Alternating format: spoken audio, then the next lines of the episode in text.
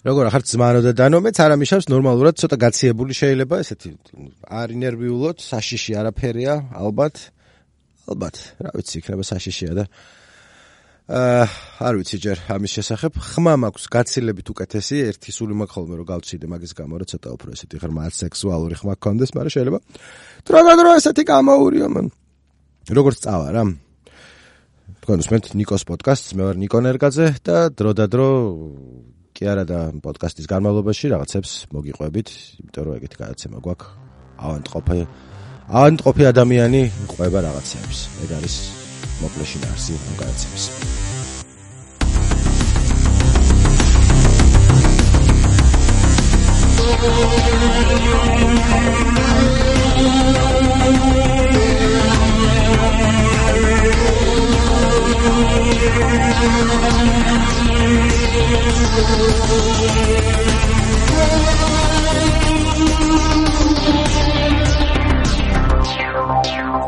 ამაზე ლაპარაკს საერთოდ არ ვაპირებდი, ახლა გამახსენდა ავანტყოფი ადამიანი რო თქვი, შეგნებულად თქვი ეგრეთ ცხადია. არის თქვენი საყვარელი ციგნი რა არის? მეც არ ვიცი რა არის ჩემი საყვარელი ციგნი, ყველაზე მეტჯერ ალბათ წაკითხული მაქვს პეპი გრძელი წინ და რომელიც ბავშვობაში წავიკითხე და მე დრო და დრო ვკითხულობდი ხოლმე. ანუ რამდენიმე ათეულჯერ მექნება წაკითხული. ალბათ პეპი კარლსონი და ოქროს სკამი და ოქროს სკამი კი არა 12 სკამი და ოქროს კერპი ეგენი მაქვს ბევრჯერ წაკითხული. მაგრამ ალბათ უფრო მეჯერ პეპი, იმიტომ რომ ჯერ ქართულად კითხულობდი და მე რუსულად და ჩემი ერთ-ერთი საყვარელი მომენტი არის გამოცდა რო არის თუ გახსოვთ ორი რიგი რო არის ბავშვების და ერთი წიგში ესე აღწერილი რომ ვიღაც ძალიან ჩათლახი ქალი არის რომელიც ბავშვებს ცდის და წურავს და ვინც კარგად გასცემს პასუხს ეხმარება და საჩუქრებს აძლევს შეჭირვებულ სოციალურად შეჭირვებულ ბავშვებს. ასე რომ რატო ეს ცუდი ქალი არ ვიცი გარდა იმისა რომ ყოველას არ აძლევს მაგრამ იქნება არ ქონდა მის საშუალება. და ვინც რაღაცა კიდე შეკითხებს ისე კარგად ვერ უპასუხებს და ეგარ მახსოვს თუ კარგად უპასუხებს იმათ საზიზღარ სუპს აჭმოს ხოლმე. და ძალით ხო არ აჭმოს ესე იგი არ ქონდათ იმ ბავშვებს სუპი და არ ვიცი. პეპისკენ ავარ 100 100 წელი 100%-ით თან მაგარ რაღაცებს ამბობს ხო ავანტყოფობაზე ეგ მახსენდება ხოლმე როცა პეპი გადის ჩამჭრელ შეკითხვას უსვამს რომ როგორი წერება ზღვის ავადმყოფობა რომელიც როგორც მე ამიხსნეს შვედურად რაღაც მურტალი სპელინგი აქვს რა და ნუ ქართულად არ აქვს სპელინგი ამიტომ თარგმნის ას პრობლემა იყო და ზღვის ავანტყოფობა პასუხობს პეპი რაც ძალიან სასაცილოა და მე გავუშვებენ მეორე რიგში სადაც ის ხალხი იყო, ვინც პასუხი არ იცოდა შეკითხვაზე და ბავშვები ტირიან და პეპიც ერთ ჯერჯერ წაისლუკუნებს, იმიტომ რომ რა ვიცი, სხვაებიც ტირიან და მეც ვიტირო. შემიძლია მოუყვე თავიდან ბოლომდე პეპი თუ არა გაქვს წაკითხული. სერიოზულად თუ პეპი არა გაქვს წაკითხული, აუცილებლად უნდა წაიკითხოთ, რომ პეპიზე მაგარი ციგნი ძალიან ცოტა არსებობს. არ ვიცი. ძალიან სასაცილოა ყველანაირად. აი ესე რაც მინდოდა მე თქვა. აა პეპისთან დაკავშირებით. უბრალოდ არ მინდოდა რომ მე თქვა, უბრალოდ თავიდანვე მაგეთი დამეწყო ავადმყოფობა შვება ამას რა. ავადმყოფობა და ეს ხმა. ხანდახან მინდა ხოლმე რომ ჩემ ხმას უსმინო, იმიტომ რომ ნახეთ როგორი არის, სულ სხვანაირი. დღეს დავწერე სიმღერა What is your general plan? და არავის არ ეცინებოდა სამსახურში. ალბათ იმიტომ რომ სასაცილო არ იყო. ანუ მე თანაც ვაცნობიერებ რომ არ იყო სასაცილო და მე დავფიქრდი რომ რაზე ატყობ ადამიანი რომ დაბერდი მუსიკალურად. იმიტომ რომ პირველად აი რაღაც ხანია ხვდები რომ გარკვეული ჟანრია მუსიკის რომელიც საერთოდ არ მესმის. რას გულისხმობ ხა აგიხსენთ რა რომ ყველაფერი კი არ მესმის ყოველს და ყველაფერი კი არ მომწონს მაგრამ თქვა თარ რაღაცა ჟანრი დრონ მეტალი რომელიც ვაფშე არ მოაქვს ჩემთან საერთოდ სუნ ფრჩხილი თუ რა ქვია იმ ჯგუფს ბორისი რომელიც ზოგჯერ არის ხოლმე დრონ მეტალი ზოგჯერ არ არის მაგრამ რაც მომისმენია ხვდები ვიღაცები რაზე кайფობენ. მე ვერ кайფობ, მაგრამ ნუ თქვა ბორისზე კიდე ხო ზოგიერთი უფრო ადულად მოსასმენი აქვს, მაგრამ და არ შეიძლება მძიმე მუსიკაა, მაგრამ ხვდები სხვები რაზე кайფობენ ხოლმე. აი აი ეს new school რაღაცნაირი mumble rap-ი რო არის ის კი არა რომ მომწონს არ მომწონს ბევრი რაღაცა არ მომწონს არ მომწონს მაგრამ საერთოდ ვერ ხვდები რა ბაზარია mama flex-ი მაგალითად აი ამ პოპულარული რეპერია ქართველი რომელსაც YouTube-ზე ვიდეოებს 200000 300000 ახავთ ვიღაცებს მოწონთ და იმას რომ რატომ მოწონთ მეთქი მე ვაცნობ რომ პრობლემა ჩემშია და არა იმაში. ეს კი რომ რო კარგია. ანუ არ არ ვიცი, აზე არა ვარ რა არის ესა. მოიცა თუ არა გაქვს მოსმენილი წმინდა ვარ გავიწყალ გოგო მე არ მინდა ძი თვალებში სავსეა ფასი ვინ მენდობა მე ვის მენდობი მე ალბათ ვერტობი მე ფერებში ხედავდი მე ოლა ჩემი ნერვი ცეცხლია ოლა ჩემი ფილინგ ცეცხლია მინდა კიდევ ერთი სუმშია არა მაგრამ კიდევ ცენტრში ვარ ია დილიდან ვაბახებ გაშს მე იგნორი ვნაში იმიტომ რომ მოკლედ ეს არის რა და კი არა უფრო რატომ მოწონთ 100 წელი არ ვამბობ ანუ რაღაცა აშკარად ხალხი ხედავს ამაში რაღაცას ხო და მე აი საერთოდ არ მესმის თან მარტო мама ფლექსზე კი არ არიან დროზე რომელიც ხეს სკაიკატას გარშემო სასტავი ვინც არის ხო ლოტოფორო არ ვიცი რას ნიშნავს მაგრამ რაც მაგათი სასტავია კოკა-კოლა კოლა კოლა რომელიც თავიდან მომასმენეს რომ ნახე რა საკაიფო რაღაცაა მე უსმენ და მეთქი ვახ რა არის არ ვიცი ანუ აი ცუდია არ მომეწონაც არა ნუ ამეკიდა ხო ყველა ყველა მაგრამ მარტო ეგ არის იმიტომ რომ რაღაც აშკარად უფრო кайფობენ ვიდრე ვიდრე მოაქვს. I don't know. კაი კატას კონცერტზე რო ვიყავ რა ვზივარ და უცებ ხალხი წამოიშალა შორს ვინც არიან რა თქვა ციგარეთს ეწევიან რაღაცა მობეზდათ კონცერტი და თურმე იმიტომ რომ დრო გამოვიდა და კოკაკოლა აბარაბარა აბარაბარა და ხალხი მორბის რო იკაიფონ და თავიანთ საყვარელ სიმღერაზე იცეკონ და ღმერთმა გაუმარჯოთ მაგრამ აх როგორ არ მესმის და არ ძალიან კი არ განვიცდი მაგრამ ნუ აი ხვდები რომ რაღაცები ხა უფრო და უფრო მეტი იქნება მით უმეტეს რომ დრონ მეტალი რო ვახსენე ის რთული მოსასმენია რა ხვდები რომ ვიღაცებს უფრო აქვთ მაგისტვის ყურიან ხასიათი ვიღაცებს ნაკლებად აქვთ ეს ახლა რთული მოსასმენია არ არის მაგრამ რა არის არ ვიცი თან მაგრამ მარტო ქართული ხარ არის ერთ-ერთი ყველაზე ცნობილი სიმღერა მანდ არის ლილ უზივერტის exot or life quite all my friends are dead ეს არა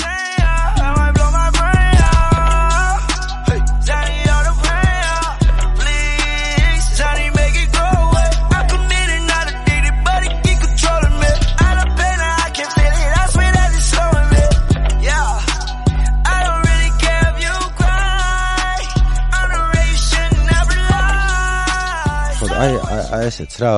ამას აქ 400000 ნახვა აქ YouTube-ზე. ანუ რაღაცები წერე რომ ნეტა თავიდან შემეძლო სამ სიმღერის მოსმენა და ვერ ვიტყვი რომ შურს ამ ხალხის რა უამრავი რაღაცაც არ მესმის და ჯაზის მთელი კომპოზიციებია რომელიც რომ მოусმინო ჩემთან არაფერი არ მოაქვს და ხალხი ვიცი რომ მაგაზე ქვითინს იწებენ რაღაცა weather report-ი გამპარცკვალა გავჯოხდი weather report-ზე და ნუ არა კონცერტზე ხო ლაივში სხვანაირად არის რა ხტიპები რომ უკრავენ მოაქვს უფრო რა მაგრამ ხა ისე რომ ჩამირთოს ვიღაცამ სერიოზულად შევწუხდები weather report-ით რომელიც ერთ-ერთი ყველაზე დიდი ჯგუფია რომელსაც ოდესმე უარსებე მაგრამ weather report-ს ხვდები რა ევასებად მე არ ჩემთან არ მოაქვს მაგრამ ხვდები სხვასთან რა მოაქვს. აი ამაზე მაგასაც ვერ ხვდები და აი ესეთ ესეთ ტრაიკული ვითარება არა არ მინდა რომ მაგაზე ინერვიულოთ არ მინდა რომ მაგაზე აღელდეთ არ მინდა რომ ხა რაღაც რაღაცა მაგრამ რო იცოდეთ ეგრე არის საქმე რა.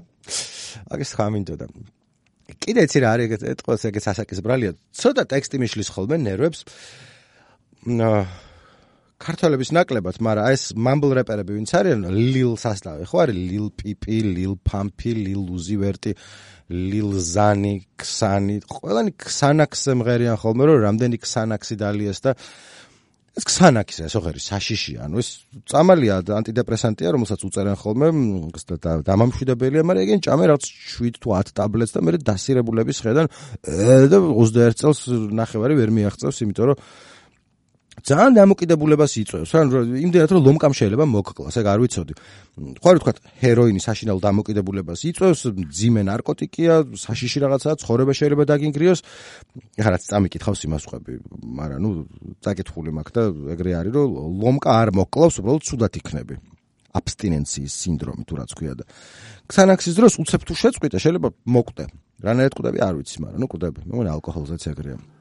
ხო და ეს მოდი ქსანაქსი შევჭა მე ტკივილი გაქრა გაქრა და მე ამბობ რომ აი შეჩემე ხო გარშემო all your friends are dead გარშემო სულ ყველა მაგისგან მოკვდა და იქნება თავი შეიკავო და ვიღაც 16 წლის დებილ ბიჭებს არ უმღერო რომ მოდი ახლა ქსანაქსები შევჭა მო შევჭა მო რაღაცა ისქენი რა საწავიდა ეს ძველი კაიდრო 90-იან წლები rolling down the street sipping in the smoking in the sipping on gin and juice laid back. ხო ეგეც ხო ნარკოტიკებია, მაგრამ ნუ იცი რომ მოწევს ვიღაცა არ მოკვდება მაგის გამო და ჯინ ჯუსი დალიოს ხო ესე საერთოდ ლეგალურია. ხო და არ ვიცი რა ეს პერკოცეტის პერკოცეტი ხა ზუსტად რა არის, მაგრამ ოპიატია, ხო, დამოკიდებულებას იწვევს და ცუდი რაღაცა არის და ნუ ნუ გავაკეთებთ მაგის რა ქვია იმას, რეკლამას. მით უმეტეს რომ იცი რომ წყენს ესო ხერი, გარშემო წყენს, ვიღაც ხალხი 20 წელს ვერ მიაღწია შერი მეგობრები SoundCloud-ზე რა დიდ მომავალს უქადნოდნენ და აუ არც ერთი არ მევასებიან ეგენი mumble rapper-ები. Lil Uzi Vert არაფერს არ ვერჩი რომ შეხედავ ნორმალურ ადამიანს გავს. Lil Xanze იყო ერთი ამბები ატეხილი რომ ესა ტუპაკი არ მაქვს მოსმენილი და ვაფშე სირი იყო რაღაცა თქვა და ყველა მაგის გამო აუ ლილზან ლილზან 18 წლის დროს და თვალებში რო ჩახედო შეგაქვს სიცარიელე ტიპს აებენა პატარა ქსანაქსი ქვია იმიტომ რომ მთელი მაგისი პიროვნება მაგის გარშემო ტრიალებს და ის ერთი სიმღერა აქვს რაღაცა zani kill the pain აგვაგა zani ოკ შანაქსი აი რა რაღაცა წადი ისქენი მოწიე დალია რაღაცა და გაერთე რა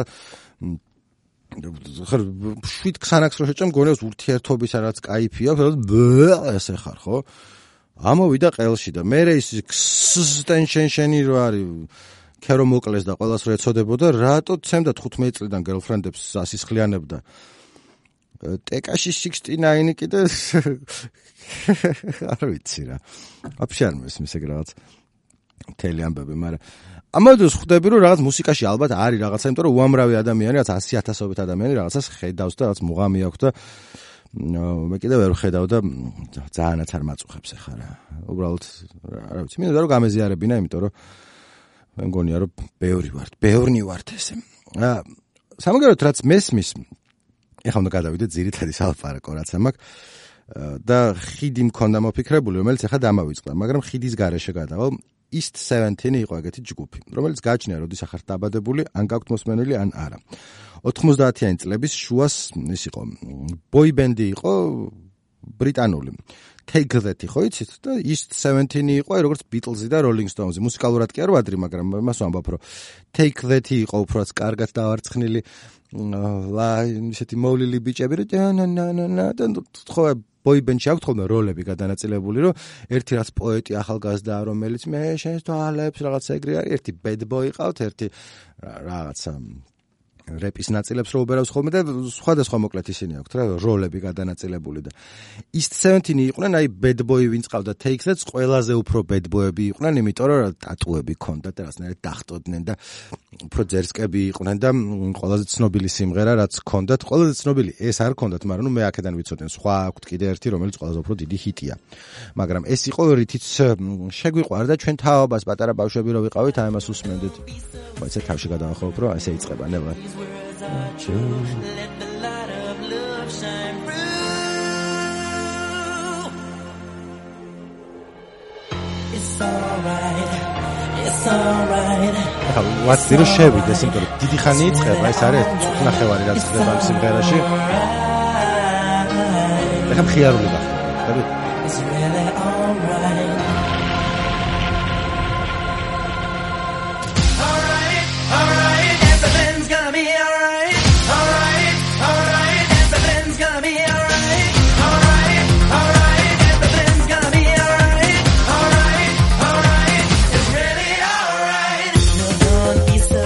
really alright. ხო და ნუ მე ეს გრძელდება რა ეს ტიპი ვინც მღერის ვისაც კლიპი გვაქვს ნანახი იმიტომ რომ ბავშვობაში MTV-ს უყურებდით და MTV ვიცით რა იყო და ასე შემდეგ მომღერალი ტიპია და შეს bad boy image-ით და ამ შემთხვევაში ამ კლიპში ახურავს ქუდი ახურავს რაღაცნაირად მა წაგრძელებულად არ ვიცი როგორ აგიხსნა ცოტა რთული მაგრამ ჩვეულებრივი ქუდი რო აიყო რა? თავზე რო ქუდი გახურავს ხო? და წაწელო ესე წაწვეტებულად ზევიდან დაიხურო რატო არ ვიცი მაგრამ უფრო cool პონტია ეგრე და მოძრაობებს აკეთებდნენ უფრო cool-ად და მე შევიყევი მეთქი ზირთადი შეკითხვა მქონდა რომ ის 17 რას აკეთებს ახლა და დრო დრო მაწუხებს ხოლმე ხო ღამე რო ჩაწვევი და უცებ რაღაცას რო ვიფიქრებ რომ მეთქი მაგათ ფული ახლა აქვთ თუ არა აქვთ. ანუ მაინტერესებს რომ ტიპები რომელიც მე ვიკიპედიაში შევხედე 18 top 20 ჰიტი ქონიათ. ანუ ის იყო რა თავის დროზე 18 მილიონი ალბომი გაყიდეს და Take That-საც გადაასტრეს, რაც მთელი ამბები იყო 90-იან წლების შუაში. 93 წელზე, 94 წელზე ლაპარაკი. რაც ძალიან კარგად ვაცნობიერებ, რომ უმეტესობა არ იყავით დაბადებულები და არ გაინტერესებთ, მაგრამ მე მაინც მოვყვები, იმიტომ რომ ფეხზე მკიდი არა გაინტერესებდა, რაც არა ჩვენ ვლაპარაკებთ ის 17-ზე, ახლა გინდათ თუ არა ეს, იმიტომ რომ ის 17-ზე ვკითხულობდი რაღაცებს და ვინმეს უნდა გაუზიარო. ხო და ეს ტიპი ქუდი ახურავს მეთქი თავზე რაღაცნაირად რომ ამბობდი. არის ბრაიან ჰარვი რომელიც ამ ჯგუფის მომღერალი იყო. რეალურად ჯგუფი არის შექმნილი ვინც სახეზე იცნობთ მაღალი ტიპი რომელიც არის რომელიც რეპავს ტონი მორტიმერი რომელიც წერდა სიმღერებს რა თავიდან მაგის მოკლედ ხმის ჩამწერ კომპანიაში მივიდა და რაღაც აი ნახე სიმღერები მაქვს და რაღაცები თქვა რომ მომეცითო ფულიო და იმათ უთხრეს რომ მოგცემთო ფულს ოღონდ ბენდი შეკრებეო შენ ვერ მღერი ხარო კარგათო და მაგრამ რატო ვერ მღერი ვარ კარგათო იმათ ვერ მღერი ხარ კარგათო რაღაცები მოიყვანა რომ უკან რაღაცები იცეკვან და რაღაცები აკეთონო რა და მაგრამ ბაზარი არ არისო მოიყვანა სხვა ხალხი და ერთ-ერთი იყო ბრაიან ჰარვი რომელსაც წესით უკონდა ეცეკვა და მე აღმოჩნდა რომ კარგად მღეროდა და ძირთადი მომღერალი ბრაიან ჰარვი გახდა და ეს მორტიმერი რომელიც სიმღერებს წერდა ისე აკეთებდა რომ ჰიპ-ჰოპ ჩანართი ყოფილიყო ყველა სიმღერაში რაღაცნაირად ოღონდ ჰიპ-ჰოპ ჩანართი არა ის my friends are dead zani kill the pain კი არისო არამედ ნამდვილი როგორც უნდა იყოს ხოლმე ხუმრობით ვამბობ საშინელი ჰიპ-ჰოპი იყოს. ბრიტანული 90-იანი წლების პოპ ჰიპ-ჰოპი იყო. Lata gozi makaduzi takana puzi classic blues სულ ასეთი flow ქონდათ ხოლმე. მეცა? ეს მისამღერია წავი. აი ეს ალბათ MC Hammer-ით უფრო შთაგონებული ვიდრე რამე ისეთი ჰიპ-ჰოპურით, მაგრამ ეს Clouds past sky opens wide, no place to run, there's no place to hide. Love rains down on me. Don't wanna see it, just wanna be there. Love goes through boundaries, gotta believe it. მოკლედ ესენი შეიკრნენ და ბრაიან ჰარვი მღერო და ეს რეპავდნენ და ითვლებოდნენ რომ უფრო ესეთი მაგარი ტიპები იყვნენ ვიდრე take that იმიტომ რომ ამით შეხედავდი და არ შეგწხვებოდა რომ რაღაც დედიკომ სახელიდან არ გამოვშვა ისე ვამბობ რა 90-იან წლების დასაწყისია და ჯერ არა გვაქვს რომ არა უშავს თუ დედიკო სახლიდან გიშვებს ყველას აქვს თავისი გზა ცხოვრებაში და ისინი მათ ეს გზა აირჩიეს და ჩვენ ეს გზა ავირჩიეთ და ვითხოვ და კიდე ერთ სიმღერა გავუშვი რომელიც არ ვიცი რატო. რო იცოდეთ ის ცენტრის შემოქმედება. It's time to spread your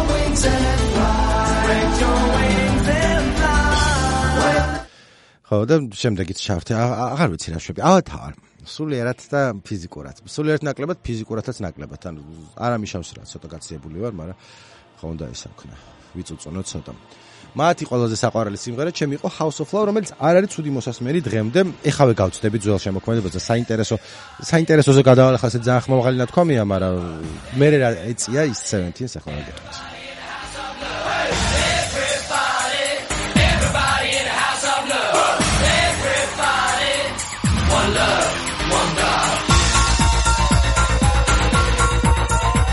და ეს უფრო საკაიფოდ მოაქვს. რაღაცა გარაჟი არის თუ რა ქვია რაღაცა 90-იანების დასაწყისის ბრიტანული ელექტრონული მუსიკა რო იყო. KLF და რაღაცა. ხო მაგის დუხშია რა მოკლედ ჩავხედე ის ის 17-ის ამბებს ვიკიპედიაში და აღმოვაჩინე რომ ის 17 არის ინგლისური პოპ ბოი ბენდი რომელიც რაღაც 2014 წლიდან ვიღაცებს შეიცავს და 2018 წლიდან ეხაც საქმიანობენ. და მეთქი რა საქმიანობენ? ის ტონი მორტიმერი რაღაც გავდა რომ ტიპი ჩალიჩა ტიპი იყო სიმღერებს წერდა რაღაც არა ტონი მორტიმერი არ არის. არც ის ბრაიან ჰარვენ ორი ტიპი იყო ცნობილი ის 17-დან ერთი ვინც სიმღერებს წერდა და ვისი ჯგუფიც იყო საერთოდაც. სიმღერა რო არიწოდა მაგრამ რო რეპავდა იმიტომ რომ თვითონაც უნდა რომ მონაწილეობა მიეღო და მეორეს ბრაიან ჰარვი რომელიც მღეროდა და ჯგუფის სახე იყო ერთგვარად. და დანარჩენები სილამაზისთვის იყვნენ იქ არაფერს არ აკეთებდნენ დანარჩენებიდან ორნი არიან რომელიც უკან ცეკვავდნენ ხოლმე. 93 წელს ახლა გამოდიან და კონცერტებს ატარებენ ხოლმე და სერიოზულად pathetic ამბავია რაც შემეცოდნენ. რა უბედურება ისეთი 50 წელს მიტანებული ხალხია რომელსაც თქოს სხვა არაფერი არა აქვს ცხოვრებაში და მე ვფიქრობდი რომ ბრაიან ჰარვის ფული ახლა აქვს თუ არა. და ჩავწერე ხარ ვიცი რამდენად სანდუა რამდენიმე საიტზე და წლიური net worth არ ვიცი ქართულად როგორ არის ღირებულება კი არა რამდენი აქვს თუ რამდენი ღირს ეს ტიპი 50000 ფუნტი. რაც რა ვიცი ტიპი ის იყო რა 18 ტოპ 20 ჰიტში მონაწილეობდა და აღმოჩნდა რომ ჯგუფმა პირველი ალბომი გამოუშვა ძალიან ბევრი გაიყიდა მეორე ალბომი გამოუშვა იქაც საკაიფოდ გაიყიდა იმიტომ ერთი სინგლი იყო christmas single გამოუშვეს stay another day ქვია რა მოკლედ stay now baby if you get to go away დოლანუანანუნა რომელსაც ამ სიმღერას ჰქონდა ესეთი მაზალო ისტორია. სტონი მორტინერმა დაწერა თავის ძმაზე რომელმაც თავი მოიკლა და რაღაცნაირად გამოსამშვიდებელი სიმღერა იყო და ამბობდა რომ მინდოდა რაც წყნარი სინგლი კი არ მინდოდა რაც გული დავწერეო რა ძმას რომ რაღაცა ვიდრე წახვალო არ მითხრა რომ ეს ბოლო კოცნაო და ძალიან გული სამაჩუყებელი ამბავია. მაგრამ როგორც წესი ეს ამბავი არავინ არ იცის თუ მაგ სიმღერის ისტორიას არ შეხედავ საშობაო სიმღერად მიიჩნევა რაც სასიყვარულო ამბობთ რომ არ დამშორდეო ბიჭი გოგოს უმღერის ეგრე არის აღქმული უმეტესობის მიერ, იმიტომ რომ რა აზრი ქონდა ჩადებული ესეთ მნიშვნელობა არ აქვს. თავარი არის საბოლოო ჯამში რა გამოვიდა. და დღემდე ეს არის ჯგუფის ყველაზე დიდი სინგლი, იმიტომ რომ საშობაოდ ატრიალებენ ხოლმე ინგლისში და ეგ ვნახე და თქვათ ამ ტონი მორტიმერს წელიწადში დაახლოებით 100000 ფუნტი შესდის მანდედან. იმიტომ რომ ტონი მორტიმერს ფული აქვს, ეს სხვა ცალკე ინტერვიუ წავიკითხე, ოღონდ ფული აქვს ძირითადად იქიდან. უძრავი ქონების გაყიდვა ყიდვის ბიზნესში არის და ამბობს რომ ხო ძირითადად შემოსავალი მანდედან მაქო ის პენსიის პონჩი მაქო იმ other days ფულიო რომელიცო ჯერჯერობით უნდა კარგად შემოდისო მაგრამ ნუ ზეგ შეიძლება აღარ იყოსო და მომავალ წელსო ამიტომ ძირითადად საქმეთო ეს მაქვს რა სახლების ყიდვა გაყიდვა თუ არ ვიცი აქირავს თუ არ ვიცი ზუსტად ხა მაგის ბიზნეს იმას აღარ ჩაურმავებულ ვარ და შეიძლება არც იყოს ინტერნეტში ინფორმაცია მაგის შესახებ ცოტა ხანში იყო ჯგუფში დაბრუნებული, რომ ჯგუფი არასდროს არ დაშლილა. ვიღაცები მიდიმოდიოდნენ, ეს ბრაიან ჰარვი წამოვიდა ერთი მესამე ალბომის მერე, იმიტომ რომ უთქვამს რაღაც ინტერვიუში, რომ ისაო ექსტაზიო ასწორებსო 97 წელს თუ რაღაცა, მეო დამილევიაო და კარგი იყო და შეიძლება რომ მომენტო რაღაც უკეთესი ადამიანი გახდეო მაგის გამო და ვაფშე არ ტეხავსო. და ვიკიპედიაში ასე წერია რომ the act went against the group's boy band image. ა, bad boy მეგონა. ხეხა გასაგები არა წერია, რომ ახლა boy band-ი იყვნენ, ეს ტიპი რომ გამოდიოდა და ძმებო, დილიდან მჟავა და მოლი, მოლი, ხაზებად ჰორიზონტი ზოლი, სხვა არ მიიღს. გააგდეს ეგრევე ჯგუფიდან ის ტიპი. რომელიც მე ხა წლების განმავლობაში ვინ მიდიოდა და ვინ მოდიოდა, ცოტა დიფარფლივით იყო ვითარება, ხო იცი? დიფარფლის ამბა. ხო არიან ჯგუფები, რომ თქვათ Led Zeppelin-ი ან REM-ი ან რაღაცა. Led Zeppelin ჯგუფი იყო, რომ დრამერი მოკვდა, ტიპები დაიშალნენ, იმიტომ რომ აღარ აღარ ქონა 4 4 კაციანი ჯგუფი იყო და მერე პეიჯს ძალიანაც უნდა რომ ერთად იყვნენ, მაგრამ პლანტი ამბობს, რომ არ მინდა და მოკლედ Led Zeppelin-ი შეიძლება ერთი ორჯერ შეიკრიბა, მაგრამ ჯგუფი როგორც ესეთი აღარ არსებობს. REM-ი კარგი წავიდა ერთი ისა ჯგუფიდან დარჩენი და დარჩნენ, მაგრამ ნუ რაღაც ისე გააგრძელეს. და 70-იანების რაღაცნაირი hard rock თუ რა ქვია, ჯგუფები იყვნენ, ვინ საიდან მიდიოდა, ვინ როგორ მიდიოდა, Black Sabbath-დან წავიდა Ozzy Osbourne და სხვა ტიპი მოიყვანეს და ამღერებდნენ რანაირად, ჩემთვის ძალიან გაუგებარია. მაინც 90-იან წლების ასას პანკის გაცოცხლების სულისკვეთებით ავარმე, ხო, რაც გრანჟი რაც იყო და კობეინი და ამბავი შეიძლება მუსიკალური მიმდინარეობა გრანჟი ერქვა, მაგრამ ეთოსი, საიდანაც ქონდათ აღებული, პანკის ქონდათ, რომელშიც იგულისხმება, რომ რაღაც ცოტა ისქენი ღირსება იქონია და თუ ოზი ოსბორნი წავიდა ჯგუფიდან, გენაცვალე ბლეკ საბატი აღარ გერქვას და რაღაცა სხვა გერქვას, ხო? და დიპარფში ვინ მოდიოდა, ვინ მიდიოდა, დიო ყველა ჯგუფში იყო საერთოდ მე ბლეკ საბატშიც ხო იყო? ცალკეც ხო იყო, რეინბოუშიც მღეროდა მე მგონი, რეინბოუში ყველა მღეროდა. მოკლედ მაგის არ ვიყავ იმზად რომ მაგაზე მელაპარაკა, მაგრამ უცებ გავჭედე. ის 17-იც იყო ეგრე თავიდან ეს ბრაიან ჰარვი წავიდა, დარშენ მე ეს ტონი მორტიმერი წავიდა და დანარჩენი ტიპი უკან მოცეკვავები ვინც იყვნენ, ვის რა სჭირდება ისინი, ხო? ისინი დარჩნენ, იმიტომ რომ იმათ სჭირდება, სხვა რაც ხოდი არა აქვს ცხოვრებაში და ჩვენ ვართ ის 17-ი გამოდივართ კონცერტზე და ფოტო არის ვიკიპედიაში. საცოდაობა 5 წლის წინ გადაღებული. სამი ზრდასრული მამაკაცი დგას ერთ სააქს soul patch ქვია წვერი რო ზოლათა აქვს დაწევებული ტუჩის იმაზე. ხო იცი რაც 94 წელს რო მაგარი იყო და მას მერე რო აღარ არის მაგარი. ლიმბისკიტის ტიპს რო ქონდა რა. ძალიან ძალიან პატარა ფანჯარა იყო ისტორიაში, როცა ეგ მოსული პონტი იყო. განა რაღაცა, მეც მქონია ერთხელ ერთი თვე მაგით დავდიოდი. დაჟე ფოტო მაქვს სახში მაგის საილუსტრაციოთ და არ ვამაყობ ამით. უბრალოდ არც ცხენია, რავი, რაც იყო, იყო. რაც მოხდა, მოხდა. არ არის პრობლემა, მაგრამ დღემდე არ უნდა გქონდეს რა მაგის თქმა მინდა, იმიტომ რომ აღარ არის მოდაში და ობიექტურად მახინჯია თუ არსებობს ობიექტური სიმახინჯე, ეგ soul patch-ი არის. მოუბრუნდები ისევ იმ ფოტოს და დგანანის 50 წლის კაცები და რაც აა ხელებს აკრემენ ახეთ იქით თან უმეტეს რომ არც ერთი ამ სიმღერის არც ავტორი არის და არც შემსრულებელი არიან უბრალოდ მიწევებულები არიან რომ ცხოვრებაში ის წევენთინის მეტი არაფერი არ ვიცით. აქ დავრჩებით რა გავაკეთოთ? ის გოგოც იყო აუ დამავიწყე ახლა რა ქვია? Fornon Blanc-ის გოგო რო არის რომელიც მღერის საშინელი სიმღერა რო არის რომელსაც ყველა ქუჩის გოგოები რომ ქუჩის გოგოებს გულისხმობ ქუჩის მომღერლები ოღონდ გოგოები. არა არა სექს მუშაკებს გულისხმობ არა ქუჩაში ბენდები რო დგანან ხოლმე და გოგო რო არის აუცილებლად and i say hey hey hey hey hey hey i say hey what's going on რომელიც თავის დროზე არ იყო ცუდი სიმღერა, მაგრამ ნუ არც ძალიან კაი სიმღერა არ იყო და ენასერ ჰეი ამაზე რძენია ხოლმე მაგ სიმღერას როცა მღერიან, იმიტომ რომ არაფერი საჭირო მაგაში არ არის. ხო და გამახსენდა ლინდა პერი ქვია მაგ გოგოს, რომელიც ფორნონ ბლონზე არც ვიცი რა საკეთებს. ლინდა პერი სერიოზულად იჯდა და მუშაობდა ვიღაცებთან ერთად სიმღერებს წერდა და ძალიან ბევრი სერიოზული რამის თანაავტორია, როგორც ვიცი, ეგ გოგო. რომელიც არ ვიცი ხა მაგის ის არ წამიკითხავს ბიოგრაფია, ალბათ ის არის რაღაცნაირად. ალბათ ლესბოსელია მაგის და ალბათ ის არის რაღაცნაირად რა თქო არ ვიცი იმიტომ რომ ეგეთი ტიპია რა შესაძლოა შეიძლება თავისუფლად არ იყოს.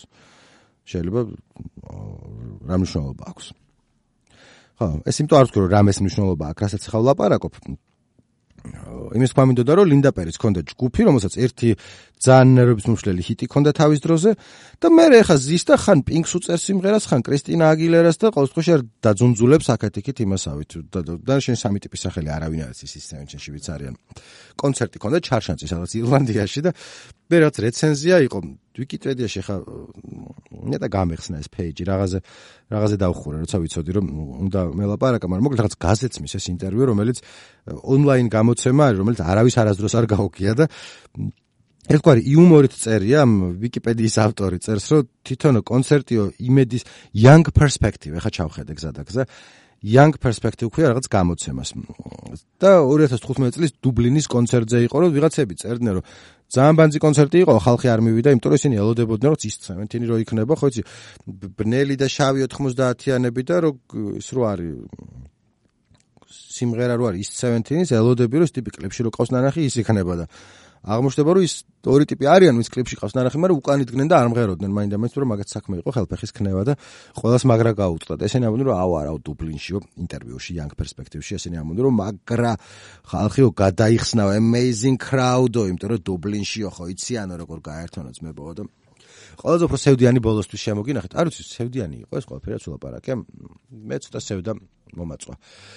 ბოლოს ნახე ის 17-ის ნეტა ბოლო სიმღერა რა არის? თქო და ეს ბოლო სიმღერა ოფიციალური სიმღერა ის 17-ის არის 2019 მაზაფოკინ წელს გამოცემული. რამდენიმე თვის წინ არც მეტი არც ნაკლები. მოისმინეთ ესა I'm ready and I'm willing. You're about to rock my world. So just give in girl. So come on give it to me give it to me girl. Yeah. So just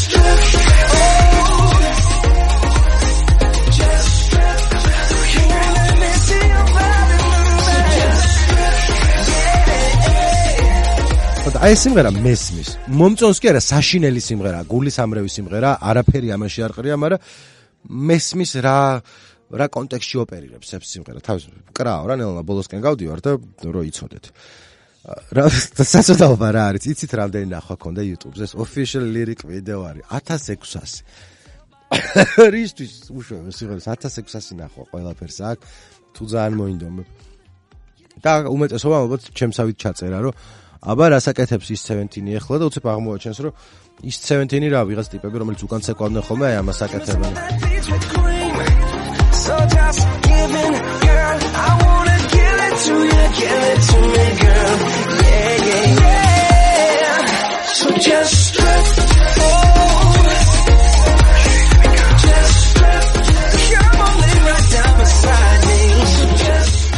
რატო დაწერა ეს სიმღერა რაღაცა ეთყობა არის ხო აი რაღაცა რო გეკაჩება